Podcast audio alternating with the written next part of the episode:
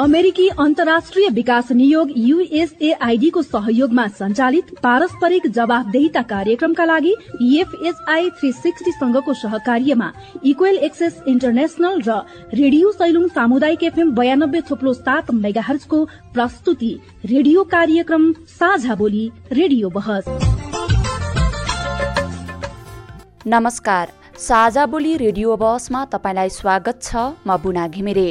साझा बोली रेडियो बसमा हामी नागरिक समाज आम सञ्चार माध्यम र सार्वजनिक निकायबीचको पारस्परिक जवाफदेहिता र आपसी दिगो सम्बन्धका विषयमा बहस गर्छौं। पारस्परिक जवाबदेहिताका क्षेत्रीय सवाल र परिवेश समेटेर तयार पारिएको साझा बोली रेडियो बसको यो स्थानीय संस्करण हो। आजको साझा बोली रेडियो बस रेडियो सैलुङ सामुदायिक एफएम बयानब्बे थुप्लो सात मेघार्ज दोलखाले उत्पादन गरेको हो। यो कार्यक्रम रामेछाप जिल्लाको हजुरको रेडियोबाट पनि सुन्न सकिन्छ। साझा बोली रेडियो बस तपाईँले हरेक हप्ता एकै समयमा सुन्न सक्नुहुन्छ। साझा बोली रेडियो बहसको यस सत्रको यो स्थानीय संस्करणको आज अठाइसौँ अङ्क हो। गत हप्ताको साझा बोली रेडियो बसमा हामीले स्थानीय तहको निर्वाचन र जनप्रतिनिधिबाट नागरिकको अपेक्षाका विषयमा छलफल गरेका थियौँ। साझा बोली रेडियो बसको आजको भागमा भने हामी आगामी स्थानीय तहको निर्वाचन र समावेशी नेतृत्वको विषयमा बहस गर्दैछौ। संघीयता कार्यान्वयनपछि स्थानीय तहमा निर्वाचित भएर आएका पहिलो जनप्रतिनिधिको कार्यकाल जेठमा पाँच वर्ष पूरा हुँदैछ। संविधानले नै समावेशी नेतृत्व रहने व्यवस्था गरेको छ। निर्वाचन आउन केही दिन मात्रै बाँकी रहँदा समावेशी नेतृत्वको कुरा पनि उठ्न थालेको छ। समान सहभागिता हुनको लागि चाहिँ अर्थपूर्ण सहभागिता हुनुपर्ने रहेछ। त्यही कारण अहिले पनि उपप्रमुख नै महिला उपाध्यक्षमा नै महिलाहरूलाई चाहिँ जिम्मेवारी दिने प्रमुखमा चाहिँ पुरुषहरू नै चाहिँ हाबी हुने चाहिँ अवस्था सिर्जना भएको छ। त्यस्तै स्थानीय तहमा निर्वाचित भएका निर्वाचित महिला जनप्रतिनिधिहरूको काम कस्तो रह्यो?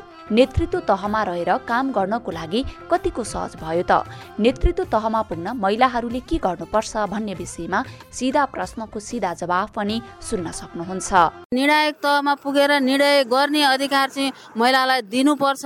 साथै कार्यक्रममा स्थानीय तहको निर्वाचनमा समावेशी नेतृत्व चयन गर्न कसको भूमिका के रहन्छ? समावेशी नेतृत्व चयनले स्थानीय तहमा पुग्ने सहयोगका बारेमा पनि चर्चा गर्नेछौँ। महिला नेतृत्व अगाडि बढाउनु त नीतिमा नै सबभन्दा पहिलो कुरा राख्नु पर्यो। तर राज्यको नीति हुँदाहुँदै पनि राजनीतिक दलहरूका दस्तावेजमा पनि लेखिनु पर्यो अनिवार्य प्रमुखमा चाहिँ एक चरण महिलाहरूलाई काम गर्न दिइनु पर्यो। त्यो खालको चाहिँ विधानमा नै व्यवस्था हुनु पर्यो राजनीतिक दलहरूका। सम्पूर्ण राजनीतिक दलहरूले चाहिँ महिलालाई अवसर दिने खालको वातावरण तयार गरिनु पर्यो। महिला नेतृत्वको लागि चाहिँ अवसर सिर्जना गर्नु पर्यो भनेर चाहिँ अब दबाब सिर्जना गर्ने क्याम्पेन गर्ने होइन अभियानहरू सञ्चालन गर्ने कुराहरूमा नागरिक समाजको भूमिका हुन्छ।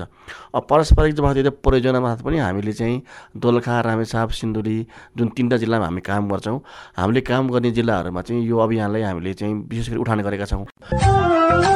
साझा बोली रेडियो बहस। अमेरिकी अन्तर्राष्ट्रिय विकास नियोग युएसएआईडी मार्फत अमेरिकी जनताहरूको सहयोगका कारण सम्भव भएको हो। यस कार्यक्रमभित्रका विषयवस्तु र सामग्री पारस्परिक जवाबदेहिता कार्यक्रमका एकल जिम्मेवारी हुन्।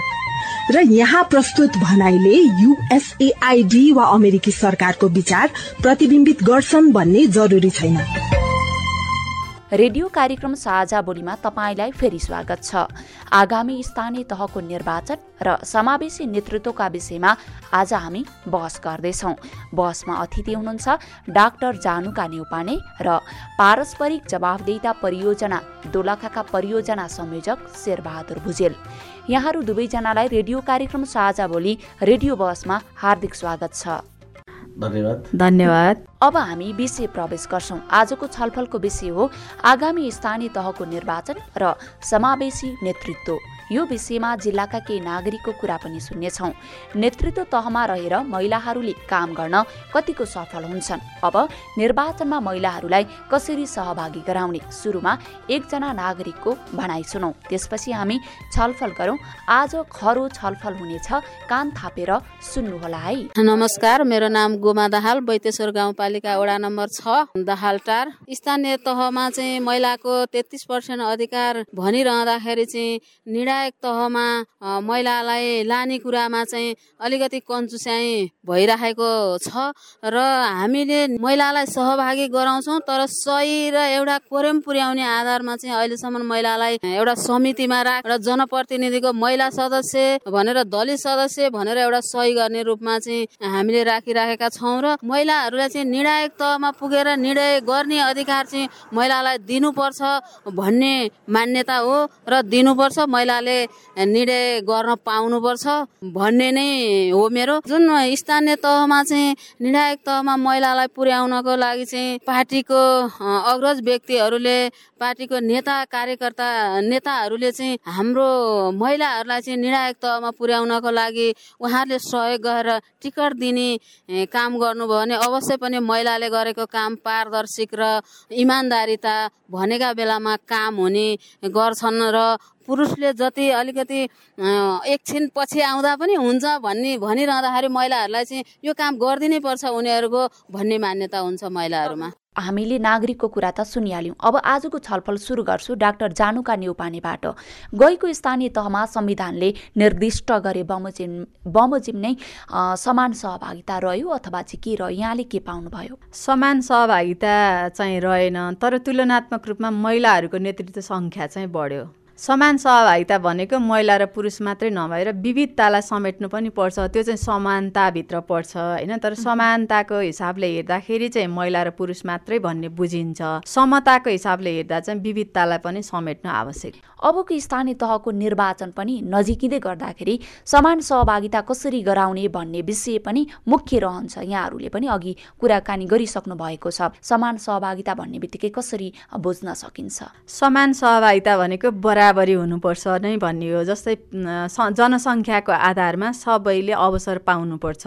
त्यसमा पनि त्यो सहभागिता पनि उपस्थिति हुनु मात्रै अथवा सङ्ख्यामा देखिनु मात्रै चाहिँ सहभागिता होइन भन्ने चाहिँ अघिल्लो स्थानीय निर्वाचनले पनि बताइसकेको छ। किनभने समान सहभागिता हुनको लागि चाहिँ अर्थपूर्ण सहभागिता हुनुपर्ने रहेछ।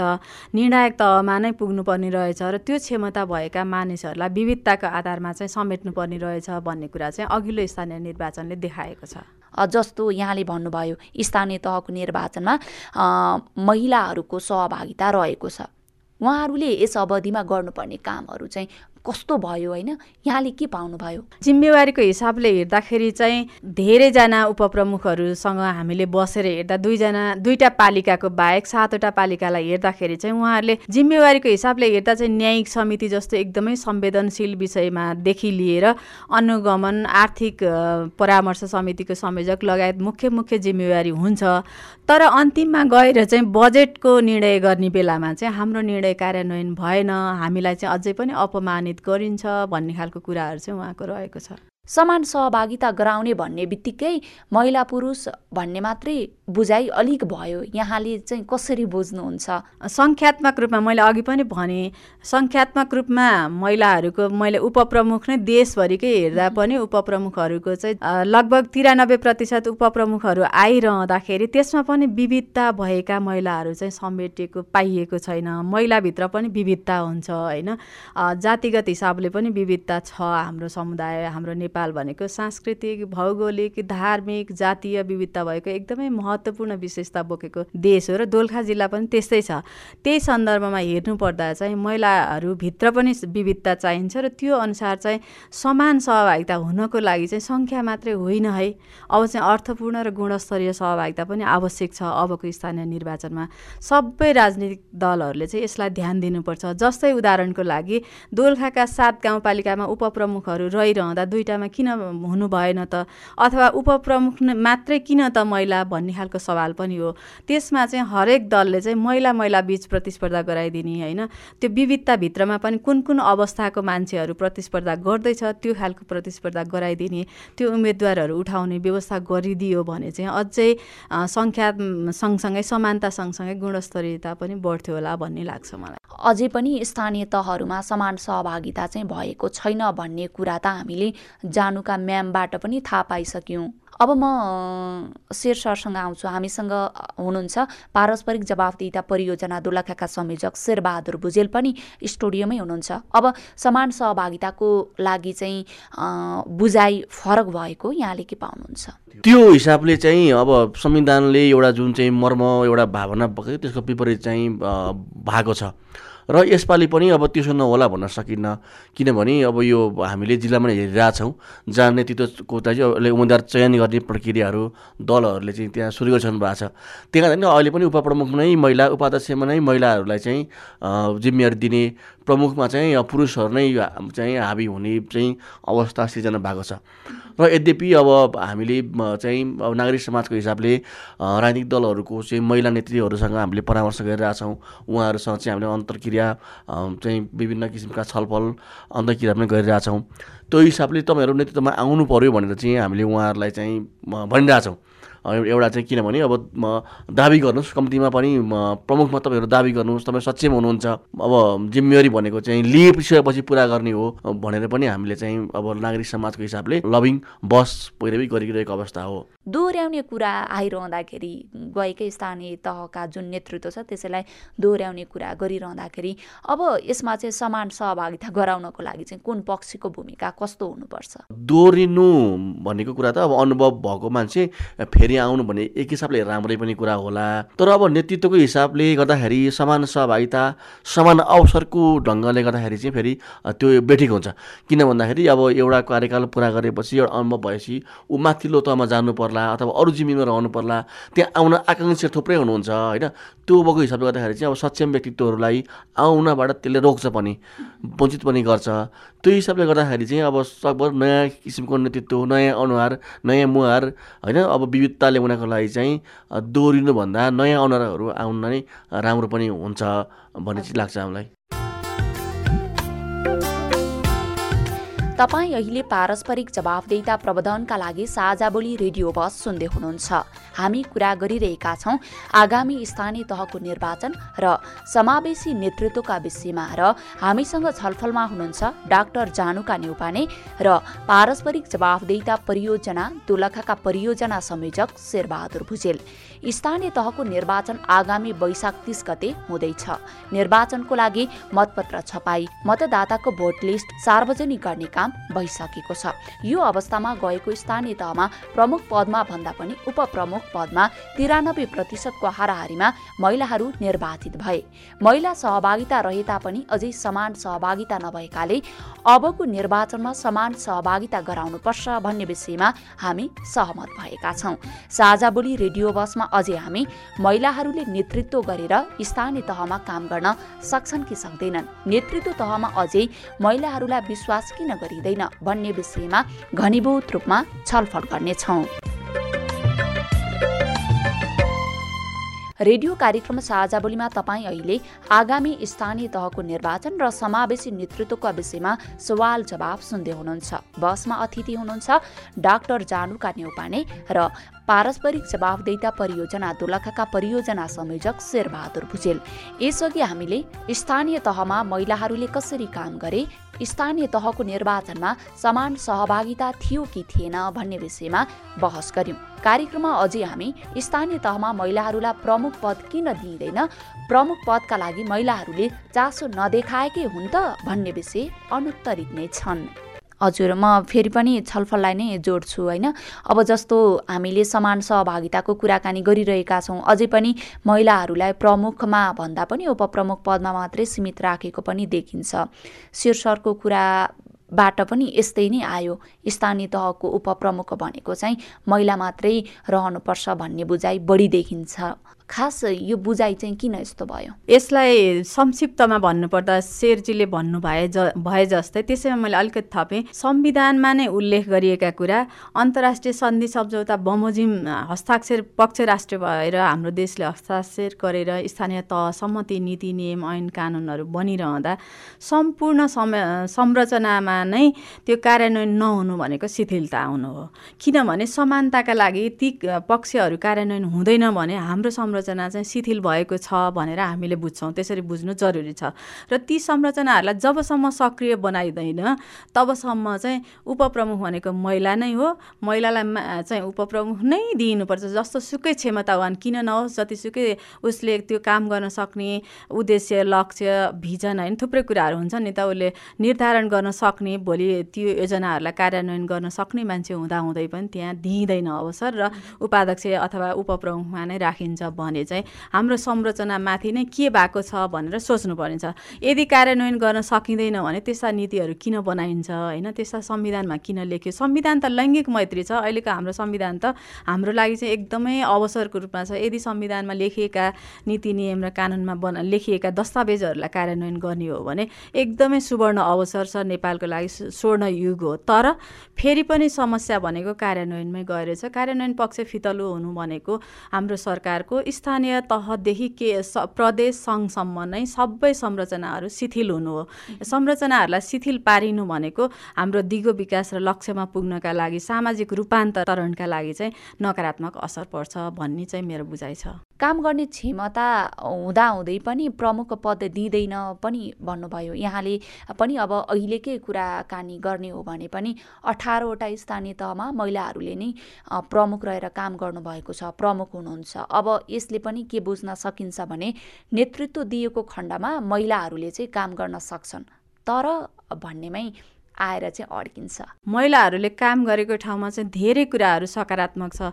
सबभन्दा पहिलो त हाम्रो देशमा एकदमै झाँगिरहेको भ्रष्टाचारलाई हेर्ने हो भने पनि तुलनात्मक रूपमा सबैले आत्मसात गरेको र विश्वास गरेको कुरा भनेको महिलाहरूले नेतृत्व लिएको ठाउँमा भ्रष्टाचार कम भएको छ। कामको गुणस्तरीयता बढेको छ। महिलाहरू चाहिँ एकदमै लगनशील प्रतिबद्ध जिम्मेवार भएर एकदमै नागरिकप्रति उत्तरदायी भएर काम गर्ने भएको हुनाले महिला सफल छन् सक्षम छन् विश्वास गरिनुपर्छ भन्ने नै हो।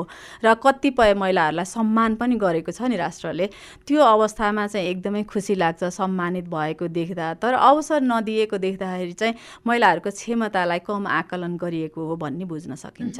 महिला नेतृत्व अगाडि बढाउनको लागि चाहिँ के गर्न सकिन्छ? महिला नेतृत्व अगाडि बढाउन त नीतिमा नै सबभन्दा पहिलो कुरा राख्नु पर्यो। तर राज्यको नीति हुँदाहुँदै पनि राजनीतिक दलहरूका दस्तावेजमा पनि लेखिनु पर्यो। अनिवार्य स्तरीय प्रमुखमा चाहिँ एक चरण महिलाहरूलाई काम गर्न दिइनु पर्यो। त्यो खालको चाहिँ विधानमा नै व्यवस्था हुनु पर्यो राजनीतिक दलहरूका। सम्पूर्ण राजनीतिक दलहरूले चाहिँ महिलालाई अवसर दिने खालको वातावरण तयार गरिनु पर्यो। त्यस सँगसँगै राजनीतिक दलले पनि दस्तावेजमा भएका कुरालाई चाहिँ अक्षरश पालना गर्नु पर्यो। र त्यो पालना गरिसकेपछि मात्रै कार्यान्वयन हुन्छ। अर्को कुरा चाहिँ नेतृत्व क्षमता विकासमा पनि ध्यान दिनु पर्यो। जस्तै अहिले भर्खरै धेरैजनाले नेतृत्व सबै राजनीतिक दलहरूलाई चाहिँ ओडामा ओडा अध्यक्ष महिला उठाउनु ठाउँ भन्यो भने खडेरीको अवस्था छ। त्यो किन त भन्दा पाकेको धानमा पानी लाएर कहिले पनि सफलता त्यो धान चाहिँ गहकिलो हुँदैन पोटिलो हुँदैन। किनभने धानमा त बिउ राख्दादेखि नै ध्यान दिनु पर्यो। भनेको महिला नेतृत्व तयार गर्नको लागि चाहिँ महिलाहरूलाई हरेक किसिमको चुनौती छ। त्यो चुनौती सामना गर्दै महिलाहरू बाहिर आइरहेको बेलामा चाहिँ प्रोत्साहन क्षमता अभिवृद्धि चेतनाका स्तरका कुराहरू भए प्रविधिमा महिलाहरूको पहुँचका कुराहरू भए त्यसै गरी विभिन्न कुराहरू छन् सञ्चार सूचना यी कुराहरूमा चाहिँ महिलाहरूको पहुँच वृद्धिमा ध्यान नदिएकै कारण चाहिँ अहिले पाकेको धानमा चाहिँ पानी लाए जस्तो अवस्था छ। यो बेलामा चाहिँ महिलाहरूको नेतृत्व विकास गर्नको लागि अहिले तत्काल सोचेर होइन विगतदेखि नै सोचिनु पर्थ्यो त्यो कमजोरी रह्यो। तर अब पनि अवसर दिइयो भने तिनै जस्तो अवस्थामा छन् तिनै महिला महिलाहरूलाई अवसर दिएर प्रोत्साहन गरेर अगाडि बढाउने हो भने आगामी दिनमा सम्पूर्ण राजनीतिक दल महिला र यो समाजकै लागि चाहिँ उत्कृष्ट महिला नेतृत्वहरू तयार हुन्छन् महिला नेतृत्वहरू सक्षम छन् गर्छन् जिम्मेवारी दिइनुपर्छ। नागरिक समाजको पनि कुराकानी गरौँ अलिकति। अब यसमा पनि निर्वाचनको बेलामा नागरिक समाजको पनि भूमिका हुन्छ। नेतृत्व तहमा महिलाहरूलाई पुर्याउन त उत्तिकै भूमिका पनि रहन्छ नि होइन र? मैले अलिकति कुरा त अहिले पनि प्रसङ्ग चाहिँ जोडिसकेको छु म त्यसलाई जोड्न चाहन्छु। नागरिक समाजको यसमा महत्त्वपूर्ण भूमिका हुन्छ होइन? अब चाहिँ अब महिला नेतृत्वको लागि चाहिँ अवसर सिर्जना गर्नु पऱ्यो भनेर चाहिँ अब दबाब सिर्जना गर्ने क्याम्पेन गर्ने होइन अभियानहरू सञ्चालन गर्ने कुराहरूमा नागरिक समाजको भूमिका हुन्छ। अब पारस्परिक जवाबदेही परियोजनामा पनि हामीले चाहिँ दोलखा रामेछाप सिन्धुली जुन तिनवटा जिल्लामा हामी काम गर्छौँ हामीले काम गर्ने जिल्लाहरूमा चाहिँ यो अभियानलाई हामीले चाहिँ विशेष गरी उठान गरेका छौँ। यो मार्च आठको कार्यक्रमदेखि नै हामीले अब त्यो बेलामै अलिकति चुनाव घोषणा भएको र नेतृत्व चयन गर्ने चाहिँ दलहरूले सुरु गरेको हुनाले हामीले त्यो बेलादेखि नै मार्च आठको सन्दर्भ पाएर नै हामीले तिनवटा जिल्लामा चाहिँ अबको कम्तीमा पनि अध्यक्षमा तेत्तिस पर्सेन्ट चाहिँ महिलाहरू ल्याउनुहोस् न भनेर हामीले दलहरूसँग लबिङ गरिरहेको छौँ। कम्तीमा दोलहा जिल्लाको कुरा गर्दा नौवटा चाहिँ स्थानीय तह हुँदा कम्तीमा तिनवटा दुईवटा तहसम्म चाहिँ महिला नेतृत्वलाई हेरौँ न भन्ने हिसाबको चाहिँ हाम्रो नागरिक समाजको क्याम्पेन रहेको छ। तर यहाँनिर भूमिका खेलिएन। होइन अब नागरिक समाजले नै अब टिकट दिने होइन। टिकट दिने उम्मेद्वार चयन गर्ने दलहरूले हो। हामीले मात्रै उहाँलाई दबाब दिने हो र महिला नेतृत्व जुन नेतृत्वमा देख्नु भएका महिला दिदीबहिनीहरूलाई चाहिँ हामीले अब उहाँहरूलाई पनि क्षमता विकास सँगसँगै तपाईँहरू चाहिँ अगाडि बढ्नुहोस् भनेर उहाँहरूलाई प्रोत्साहन गर्ने होइन। त्यो हिसाबले गर्ने हो हामीले। अब त्यो हुँदाखेरि चाहिँ अब कति अवस्थामा हामीले अब देखेर क्याम्पेन गरेर हुन्छ कति अवस्थामा नदेखिकन नै गरेर आउँछौँ त्यो हिसाबले पनि एक खालको चाहिँ अब आरोप आउनु त स्वाभाविकै हो। तर जहाँसम्म लाग्छ नागरिक समाजले भयो इभन मिडियाले भयो त्यो खालको चाहिँ भूमिका हामीले खेलेकै पाउँछौँ। मिडियाहरूले त्यो खालको भूमिका खेलेका छन्। अरू सङ्घ संस्थाहरूले त्यो खालको भूमिकाहरू निर्वाह चाहिँ सकेको भूमिका निर्वाह गरेकै हामीले देखेका छौँ गरि पनि रहेछौँ त्यो हिसाबले छ। र चाहिँ कम्तीमा पनि अब उप मात्रै होइन। संविधानको मर्मअनुसार प्रमुख पनि कम्तीमा तेत्तिस प्रतिशत त एउटा किसिमको हरेक क्षेत्रमा चाहिँ प्रतिनिधित्व रहँदै आएको छ। त्यो हिसाबले गर्दा स्थानीय तहमा पनि कम्तीमा अब नौजना चाहिँ अध्यक्ष भइरहँदा कम्तीमा तिनजना चाहिँ कम्ती महिला अध्यक्ष किन नहुने भनेर पनि हामीले अब चाहिँ लबिङ गरिरहेको अवस्था चाहिँ हो। अब तर यो सबै फेरि अब अन्तिममा राजनीतिक दलहरूले नै अब चाहिँ उहाँहरूको निर्णायक हुन्छ। होइन निर्णायक निर्णय गर्ने भनेको राजनीतिक दलहरूले नै हो। त्यो हिसाबले गर्दाखेरि चाहिँ गाह्रो छ। र अब अर्को कुरो के छ भने दलहरूको फेरि यो गठबन्धन गर्ने तालमेल गर्ने कुरा पनि हामी सुन्छौँ। यो फेरि गठबन्धन तालमेल गर्नु भनेको फेरि यो समावेशी नेतृत्वको लागि फेरि अर्को खतरा हो। होइन? अब हामीले अहिले पनि देखिरहेछौँ दोलखा जिल्लाको नौवटा तहमा दुईवटा स्थानीय तहमा अहिले पनि उपाध्यक्ष महिला हुनुहुन्न। होइन? त्यसमा पुरुषले नेतृत्व गरेको अवस्था छ। यस्तै एक एक हिसाबले दलहरूले चाहिँ अब अलिकति तालमेल गर्नुभयो गठबन्धन गर्नुभयो भने त्यहाँ पनि खतरा हुन्छ। त्यही भएको हुनाले गर्दाखेरि चाहिँ कम्तीमा प्रमुखमै चाहिँ महिलाहरूलाई स्थान दियोस् महिलाहरूलाई दियोस् जात जातिको लागि समावेशिता भन्ने हिसाबले महिला मात्रै होइन विभिन्न जात जाति हुनसक्ला होइन? विभिन्न अल्पसङ्ख्यक समुदाय हुनसक्ला त्यो हिसाबको पनि नेतृत्वमा अगाडि आउनुपर्छ भनेर चाहिँ हाम्रो विगतदेखिकै एउटा लभिङ एउटा चाहिँ पैरवी हो। अब अब सफल हुने असफल हुने कुराहरू भनेको अब दलहरूले हुन्छ र अब महिला दिदीबहिनीहरूले पनि त्यहाँले निर्णायक तहमा प्रभाव पार्नु पऱ्यो भन्न चाहन्छु म चाहिँ होइन? राजनीतिक दलहरूले जुन निर्णय गर्नुहुन्छ उम्मेदवार छनौटको विभिन्न उहाँहरूले मापदण्ड तय गर्नु भएको छ विभिन्न चाहिँ अब त्यहाँ चाहिँ इन्डिकेटर राख्नु भएको छ त्यो पनि पुरा गर्दै त्यहाँ पनि कम्पिटिसन गर्नु पऱ्यो त्यहाँ आवाज उठाउनु पऱ्यो त्यहाँ नि अगाडि बढ्नु पऱ्यो र नेतृत्वको लागि त्यहाँ चाहिँ एउटा एक एक खालको लडाइँ त्यहाँ पनि लड्नु पऱ्यो भन्ने त्यहाँ देखाउनु पऱ्यो भन्ने हिसाबले चाहिँ हामीले अहिले लभिङ गर्दै आएका छौँ। नागरिक समाज तपाईँहरूले पनि गरिरहनु भएको छ। अब यही कार्यक्रम पनि एउटा चाहिँ एउटा चाहिँ सूचक हो। एउटा चाहिँ यो पनि एउटा अभियान हो होइन? यसरी चाहिँ नेतृत्वमा मैले ल्याउनुपर्छ भन्ने हिसाबले मिडिया पनि नागरिक समाजै हो। क्षमताको कुराकानी गर्दै गर्दाखेरि होइन? क्षमताको कुराकानी गर्दै गर्दाखेरि चाहिँ उहाँहरूको क्षमता चाहिँ के छ? उहाँहरूले कसरी देखाउनुहुन्छ? होइन महिलाहरूले क्षमता देखाउने कुरा पुरुषभन्दा अगाडि देख्छौँ हामी। र अघि नै जानुका डाक्टर साहबले पनि भन्नुभयो जानुका नेपालज्यूले अब विभिन्न सर्वेक्षण हेर्दाखेरि चाहिँ यो बेरुजुको चाङ चाहिँ महिला नेतृत्व महिलाहरूले नेतृत्व गर्नुभएको स्थानीय तपाईँ एकदमै कम छ। पुरुषको तुलनामा बेरुजुको चाङ कम छ। अनि अरू चाहिँ सुशासनका इन्डिकेटरहरू चाहिँ त्यहाँ माथि छन् होइन? त्यहाँ अनि त्यसपछि ल्याएर नीति निर्माण गर्ने कुराहरू अरूभन्दा माथि छ।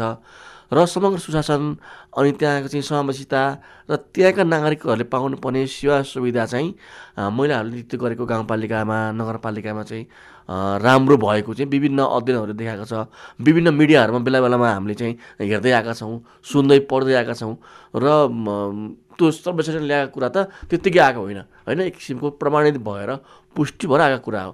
त्यो उसले गर्दाखेरि पनि पुरुषभन्दा चाहिँ महिला नेतृत्वको चाहिँ त अब्बल देखिएको चाहिँ त्यसले नै पुष्टि गर्छ। साझा बोली रेडियो बसमा अहिले हामी कुरा गरिरहेका छौँ आगामी स्थानीय तहको निर्वाचन र समावेशी नेतृत्वका विषयमा र हामीसँग छलफलमा हुनुहुन्छ डाक्टर जानुका न्यौपाने र पारस्परिक जवाफदेहिता परियोजना दोलखाका परियोजना संयोजक शेरबहादुर भुजेल। यतिन्जेल हामीले अहिले उपप्रमुखका हैसियतमा रहेर आफ्नो जिम्मेवारी निर्वाह गरिरहेका महिलाहरूले यो पटकको निर्वाचनमा प्रमुखमा स्वाभाविक रूपले दावेदार गरिरहेकाले यसपालि दलहरूले आफ्नो सोच परिवर्तन गरेर महिलाहरूलाई नेतृत्वको अवसर दिनुपर्छ भन्ने विषयमा सहमत भएका छौँ। साझा बोली रेडियो बसमा अझै हामी चौहत्तरको स्थानीय तहमा निर्वाचित दलित महिला सदस्यहरूको अनुभव कस्तो छ? समावेशी नेतृत्वले स्थानीय तहको विकासमा कस्तो फाइदा पुग्छ भन्ने विषयमा घनीभूत रूपमा छलफल गर्नेछौँ। साथै आज हामी समावेशी नेतृत्व चयनका लागि कसको भूमिका के हुन्छ भन्ने निचोडमा पनि पुग्नेछौँ। साझा बोली रेडियो बस सुन्दै गर्नुहोला। तपाईँ अहिले पारस्परिक जवाबदेता प्रबन्धनका लागि साझा बोली रेडियो बस सुन्दै हुनुहुन्छ।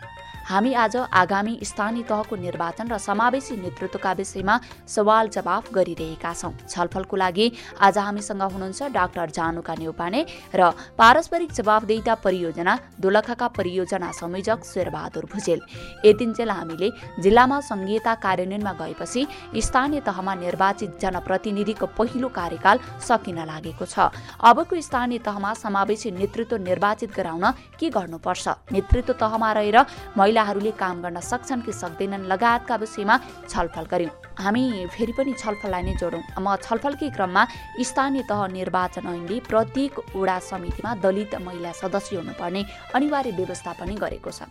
सोही अनुसार देशभरका वडाहरूमा पहिलो पटक दलित समुदायका महिलाहरूले जनप्रतिनिधिका रूपमा प्रतिनिधित्व समेत गरेका छन्। दलित महिला सदस्यहरूसँगको कुराकानीमा आधारित एउटा रिपोर्ट पनि म यहाँहरूलाई सुनाइहाल्छु। त्यो रिपोर्ट सुनौँ अनि फेरि पनि छलफललाई नै निरन्तरता दिनेछौँ। स्थानीय तह निर्वाचन ऐन दुई हजार त्रिहत्तरको व्यवस्था अनुसार अहिले पालिकाहरूमा दलित महिला सदस्यहरू निर्वाचित भएका हुन्। जनप्रतिनिधिको रूपमा निर्वाचित भए पनि आफूहरूले भूमिका र अवसर दुवै नपाएको उनीहरूको गुनासो रहेको छ। दोलखाको भीमेश्वर नगरपालिका वडा नम्बर आठका सदस्य मन्जु बिक।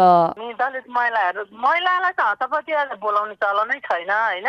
झन् त्यहीँ मात्र दलित महिला भनेपछि त यो कस्तो हो भने उनीहरूलाई त हामीले कोरम पुर्याइदिएर उ गरेको मात्रै हो। हामीलाई उनीहरूले गर्न पर्ने निर्णय जति सबै उनीहरूले नै ठोक्छन्। कार्यपालिकाको मिटिङमा हामीले प्रत्येक बोलाउनुहुन्छ होइन?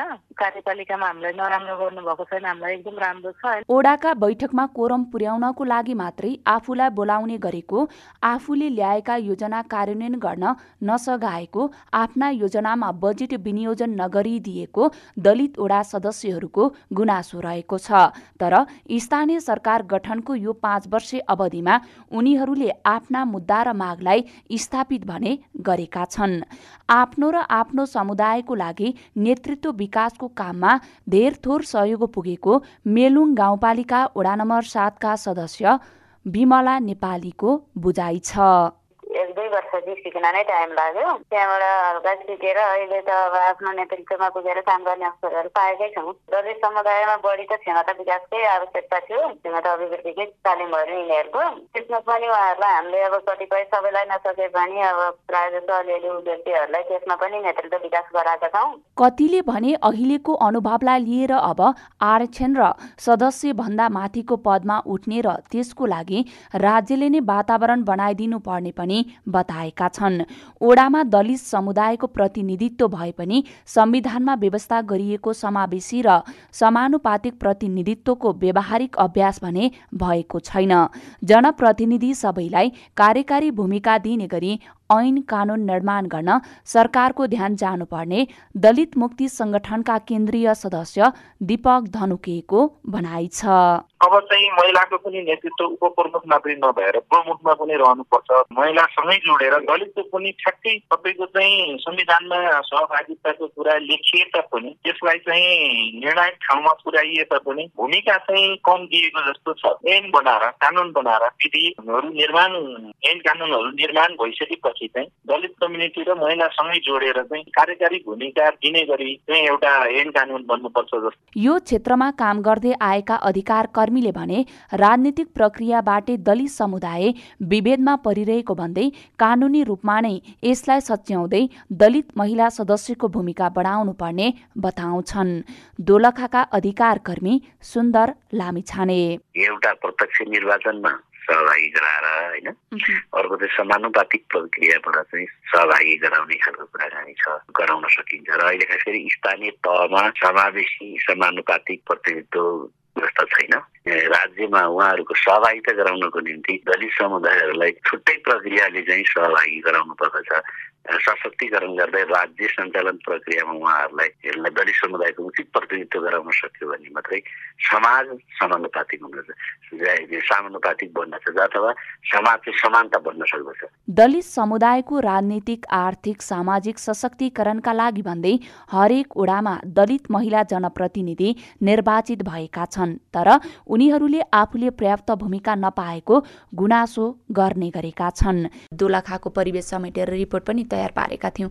कानुन अनुसार जनप्रतिनिधिका रूपमा रहे पनि भूमिका भने नपाएको दलित महिला सदस्यहरूको गुनासो रिपोर्टबाट पनि आयो। शेर सर यस्तो गुनासो चाहिँ किन आउँछ किन भयो होइन? अब त्यो चाहिँ के हुन्छ भनेदेखि दलित महिला सदस्यलाई ओडामा सीमित गरिएको छ। ओडा तहको चाहिँ एउटा सदस्य बराबरको उहाँहरूको हैसियत हो। अब कोही कार्यपालिकामा पुग्नु भएको होला त उहाँले। गाउँ कार्यपालिका नगर कार्यपालिका बैठकमा सहभागी भएर आफ्नो मत जाहेर गर्नु होला नत्र भनेदेखि अब ओडा समिति को मात्र त्यत्रो धेरै भूमिका हुन्न। उहाँहरूको भूमिका भनेको टोल बस्तीमा त्यो योजना छनौट गर्ने प्रक्रियामा टोल बस्तीमा जाने एउटा जिम्मेवारी छ उहाँहरूको। हामी समान सहभागिताको कुराकानी गरिरहेका छौँ। जस्तो समान सहभागिता गराइएन गराइए तापनि निर्णय गर्ने तहमा पनि पुग्न नसकेको होइन। उहाँहरूको भूमिका चाहिँ कम रहेको भन्ने कुरा त यहाँले पनि सुनिसक्नुभयो जानुका म्याम। अब भूमिका चाहिँ किन कम भयो होला? हजुर हो। अघि शेरजीले नै उहाँले शेरबारजीले नै भनेको कुरालाई मैले दोहोऱ्याएँ। जस्तै कार्यपालिकासम्म जानेले चाहिँ दलित महिला सदस्यले नोट अफ डिसेन्ट लेखेको पनि छ। त्यो रेकर्ड हाम्रै दोलखा जिल्लामा छ। माइन्युट गर्दाखेरि उहाँका आफ्ना योजना माग उहाँको आवाज सुनवाई नभए बापत म तपाईँहरूको कुरामा चाहिँ असमर्थ छु भनेर हस्ताक्षर गर्नुभएको छ। त्यो रेकर्ड पनि हाम्रो दोलखा जिल्लामै छ। भनेपछि त्यही दलित महिला सदस्य कहिल्यै वडा कार्यालय नजाने योजनाका चरणहरू प्रक्रियाहरू नै थाहा नपाउने यो हाम्रो वडामा कुन कुन शीर्षकमा बजेट छुट्याइयो के के के लागि कहाँ कहाँ खर्च गरिन्छ कसरी खर्च गरिन्छ कसले खर्च गर्छ भन्ने पनि थाहा नपाइकन बसेको र म इभन मैले कुन पार्टीबाट जितेँ र म के मेरो जिम्मेवारी के हो भन्ने थाहा नपाइकन कार्यकाल सकेको अवस्था पनि छ।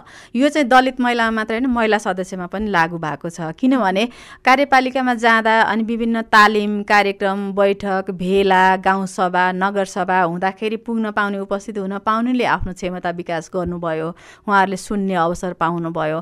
जब ओडामा मात्रै सीमित हुने बित्तिकै ओडामा पनि निष्क्रिय रहेको अवस्था विद्यमान छ। जस्तो समान सहभागिता भयो भने भोलि स्थानीय तहको विकासमा सहयोगको पुग्छ कि पुग्दैन? समान सहभागितातिर चाहिँ ध्यान दिनुपर्छ कि पर्दैन?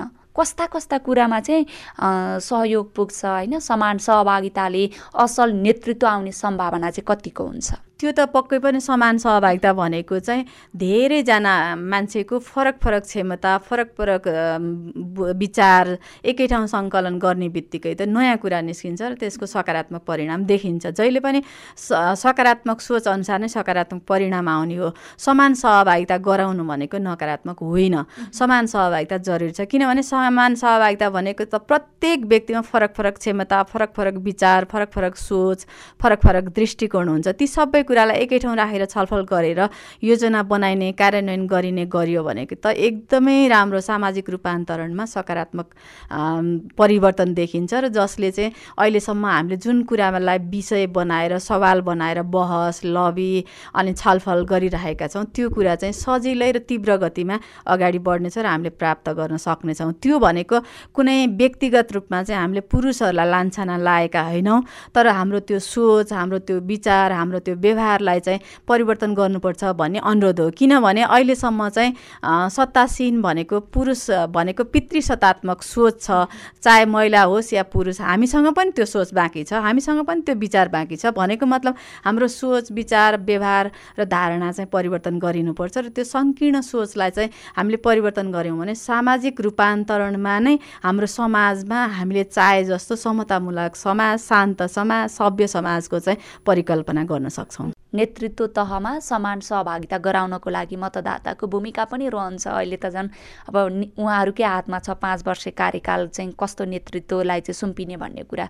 विशेष मतदाताको भूमिका के रहन्छ? त्यो चाहिँ अब अघि नै शेरबहादुरजीले नि भनिसक्नुभयो। राजनीतिक दलले पनि टिकट अथवा उम्मेदवारी चयन गर्ने बेलामा नै ध्यान दिनुपर्छ। समान सहभागिता गराउँदाखेरि यो मान्छेले चाहिँ अवसर पायो भने भोलि चाहिँ उसको क्षमताको विकास सँगसँगै ग्रामीण विकासमा सामाजिक विकासमा चाहिँ योगदान पुर्याउन सक्छ भन्ने खालको नेतृत्व चयन गर्यो भने त्यो विविधतालाई पनि समेट्न सकियो र नेतृत्व पनि असल आउन सक्छ। मतदाताहरूको भूमिका भनेको अब आफ्नो प्रतिनिधि चुन्ने जनप्रतिनिधि चुन्ने महत्त्वपूर्ण भूमिका हो। आफ्नो मत जारी गर्ने होइन? प्रजातान्त्रिक मुलुकमा प्रजातान्त्रिक प्रक्रियाबाट नेतृत्व चयन गर्ने। आफ्नो नेता छान्ने कुराहरू हो। उहाँहरूले हेर्दाखेरि चाहिँ अब राजनीतिक दल यो पार्टी ऊ पार्टी भन्दा पनि अब प्रलोभनमा नपरिकन होइन कुनै लोभ लाभको हिसाबले नगरिकन को सक्षम छ को असल छ कसले जनताको लागि काम गर्न सक्षम छ कसले कुराहरू बुझेको छ ती कुराहरूमा चाहिँ हेरेर ध्यान दिनु पऱ्यो आफ्नो मत दिने बेलामा चाहिँ त्यतातिर ध्यान दिनु पऱ्यो र अब बिना चाहिँ डर त्रास धम्की पनि आउला प्रलोभनमा न चाहिँ पार्न प्रयास गरेला। त्यो नपरिकन मतदाताहरू ढुक्क भएर चाहिँ आफ्नो चाहिँ निर्वाचन प्रणाली जुन यो हाम्रो छ त्यसअनुसार चाहिँ अब मत जाहेर गर्नु पऱ्यो होइन? मत दिनु पऱ्यो र त्यसरी चाहिँ त्यो ढङ्गले चाहिँ उहाँहरूले अब उहाँलाई थाहा हुन्छ नि त आफ्नो चाहिँ गाउँ टोलमा चाहिँ अब को चाहिँ आइरहन्छ कसले चाहिँ जनताको पक्षमा काम गरिरहन्छ ती कुराहरू हेरेर चाहिँ उहाँहरूले नेतृत्व चयन पऱ्यो जनताको काम गर्ने जनताको दुःख सुखमा साथ दिने होइन त्यो कुराहरू गर्नु पऱ्यो अब त्यसरी अब एउटा भनौँ न असल नेतृत्व चयन गर्ने महत्त्वपूर्ण भूमिकै नागरिकको आम भनेको हुनाले उहाँहरूले असल नेता राखेरै चाहिँ चुनिदिनु भयो भने चाहिँ पक्कै पनि असल नेतृत्व हुन्छ जस्तो मलाई लाग्छ। समान सहभागिताले असल नेतृत्व आउने सम्भावना चाहिँ कतिको हुन्छ? कम्तीमा असल नेतृत्व को असल छ। जुन हाम्रो निर्वाचन प्रणालीबाट असल नेतृत्व चयन गर्न सक्यो भने कम्तीमा पनि अब असल नै काम हुन्छ भन्ने चाहिँ लाग्छ। हजुर शेर सर जस्तो हामी कार्यक्रमको अन्तिमतिर आइपुगेका छौँ असल नेतृत्व चयनको लागि चाहिँ यहाँहरूको प्रतिबद्धता के छ र के रहन्छ? होइन अब हामीले त अब नागरिक समाजले यो दललाई चयन गर्नुहोस् ऊ दललाई चयन गर्नुहोस् भन्दा तपाईँले हेर्नुहोस् विगतमा चाहिँ अब चाहिँ काम गर्नुभएको पनि हेर्नुहोस् विगतको समीक्षा गर्नुहोस् होइन? विगतमा चाहिँ गरेका कामहरू हेर्नुहोस् अनि अब उम्मेदवार बन्नेहरूले चाहिँ हिजो अस्ति गरेका चाहिँ प्रतिबद्धताहरू हेर्नुहोस् हिजो अस्ति गरेका कामहरू हेर्नुहोस् उहाँको चाहिँ समग्र कि कुन अवस्थाको हुनुहुन्छ उहाँको सबै कुरा थाहा हुन्छ नि त जनप्रतिनिधि चयन गर्ने बेलामा ती कुरामा ध्यान दिनु पऱ्यो र कुनै पनि डार यो डर धम्की होइन नपरिकन नपरिकन चाहिँ अब पैसाको लोभमा नपरिकन प्रश्न भन्दा होइन पैसा खानपान हरेक हुन्छ नि कुनै पनि लोभमा नपरिकन निर्धक्कसँगले चाहिँ आफ्नो मत जाहेर गर्नु पऱ्यो र जो असल छ जसले चाहिँ तपाईँलाई काम गर्न जस्तो लाग्छ होइन अब तत्कालको मिठो मिठो गफ नसुनिकन आफ्नो मत जाहेर गर्नु पऱ्यो त्यो गऱ्यो भने असल पट्ने त्योहरू चाहिँ चयन गर्न सक्छ भन्ने भन्ने मलाई लाग्छ। यो निर्वाचनमा प्रयोग गरिने प्रवृत्तिहरू केही वर्षदेखि अलिकति बिग्रिएको हामीले पाएका छौँ। त्यो खालको प्रवृत्ति चाहिँ हरेक राजनीतिक दलले नै आचार संहिताभित्र राखेर त्यसलाई सुधार गर्नुपर्छ। एक अर्को सबभन्दा पहिलो अधिकार नै मतदाताहरूलाई हुन्छ। उहाँहरूले चाहिँ राम्रो मान्छे छान्न सक्नु पर्यो र त्यो आधारमा चाहिँ छनौट गर्नु पर्यो र मेरो प्रतिबद्धता भनेको चाहिँ जोसुकै किन नहोस् एकदमै राम्रो असल नेता छान्ने कुरामा चाहिँ म एकदमै सफल हुन्छु सक्षम छु जस्तो लाग्छ। लाग्छ। किनभने मैले पहिचान गरेर मेरो पालिकाको लागि को मान्छे भयो भने स्थानीय सरकार चाहिँ राम्रोसँग चलाउन सक्छ भन्ने त्यो मेरो सोच भएको हुनाले चाहिँ मैले चाहिँ व्यक्ति छान्न सक्छु जस्तो लाग्छ मलाई। मेरो प्रतिबद्धता त्यही नै हो।